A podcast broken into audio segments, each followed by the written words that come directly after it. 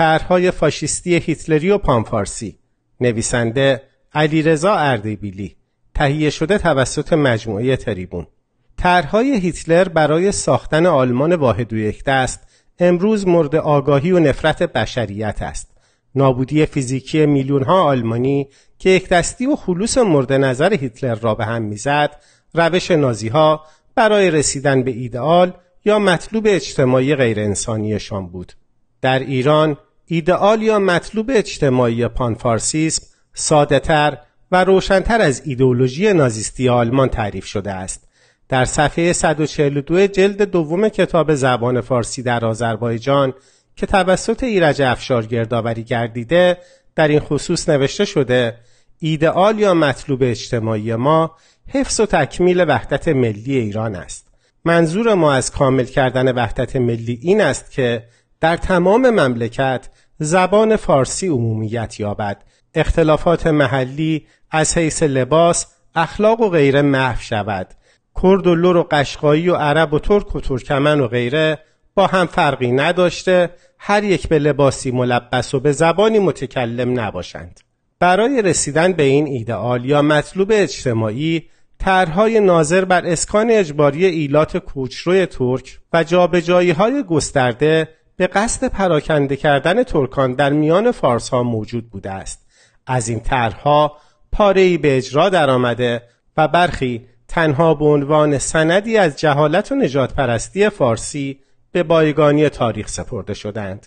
طرح جدا کردن نوجوانان ترک و عرب از خانواده و زادگاهشان برای طی دوره فارسیزه شدن در نزد خانواده های محترم فارسی زبان در شهرهای تهران، مشهد، اصفهان، یزد، شیراز و کرمان بارها از سوی محافل نجات پرست ایرانی مطرح شده است. همان گونه که در کتاب گیومده کشیش فتنگر فرانسوی به نام ریشهکن ساختن مسلمانان شاهد نقشه های دقیق وی برای رسیدن به مقصود پلیدش هستیم در ایران امروز نیز طرحهای مشابه با تمام زشتی ها و کراهتی که در آنها به نمایش در میآید کم نیستند با این تفاوت که قرون و اثار سپری شده از روزگار گیوم تا دوران ما پلیدی و زشتی پندار استراتژیست های آریا پرست امروزی را صد چندان می کند.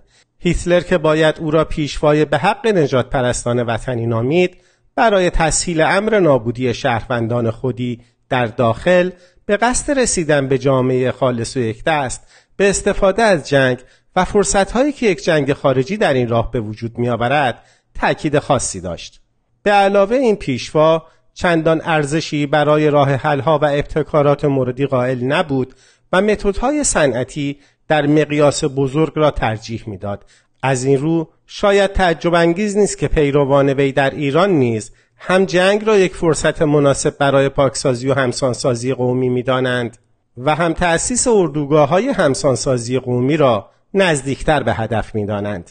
به نظر می رسد که دکتر جواد شیخ الاسلامی هم که ابتدا طرح فاشیستی خود را بر عهده خانواده های محترم فارسی زبان می نهد در واقع تأسیس اردوگاه ها و راه حل های collective را موثرتر می داند.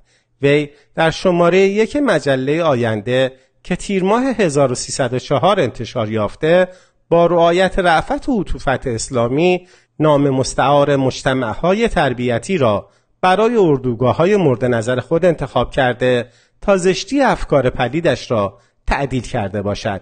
این موجود زنده که زنده ماندن زبان و فرهنگ ترکان ایران آرام و قرار وی را رو بوده است در یک بحث روزنامه‌ای اشاره به محل تأمین بودجه خود را لازم دیده و آن را برگردن نیکوکاران مستطیع انداخته است. وی بهتر از هر کس دیگری می‌دانسته که طرح ایجاد اردوگاه های تغییر زبان چیزی نیست که بتوان از محل اعانات و یا خمس و زکات نیکوکاران مستطی تأمین مالی کرد. علت این اشاره وی را باید در ترس وی از اعتراف به ماهیت دولتی پروژه های نجات پرستانه وطنی دانست.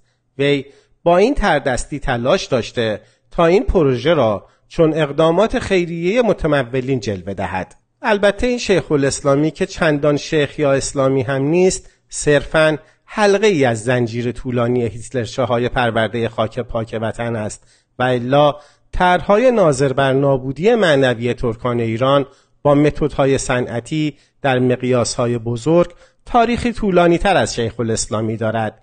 یکی از پیشکسوتان راه وی در فصلی که بعد از کودتای 28 مرداد و با الهام از آن کودتا چاپ شده آخرین و قطعی ترین و پرثمرترین راه نابودی ترکان ایران را کنترل تربیت اطفال ترک از همان بد و تولد و از زایشگاه تا دبیرستانها و آموزشگاه های دیگر برای فرا گرفتن پیشه های گوناگون می داند.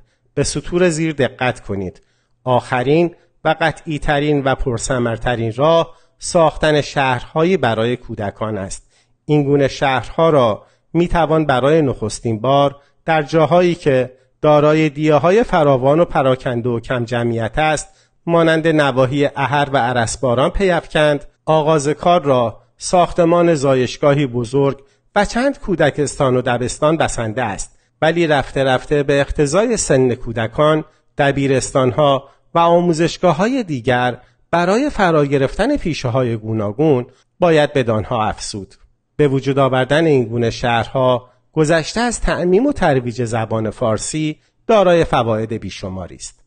نام معلف سطوری که نقل شد یحیی ماهیار نوایی است. به نظر می رسد که اگر مبنا را طرز تفکر افراد قرار دهیم هیتلر و دکتر رادوان کاراتزیچ چندان ناشریفتر از دکتر جواد شیخ الاسلامی و ماهیار نوایی نباشند.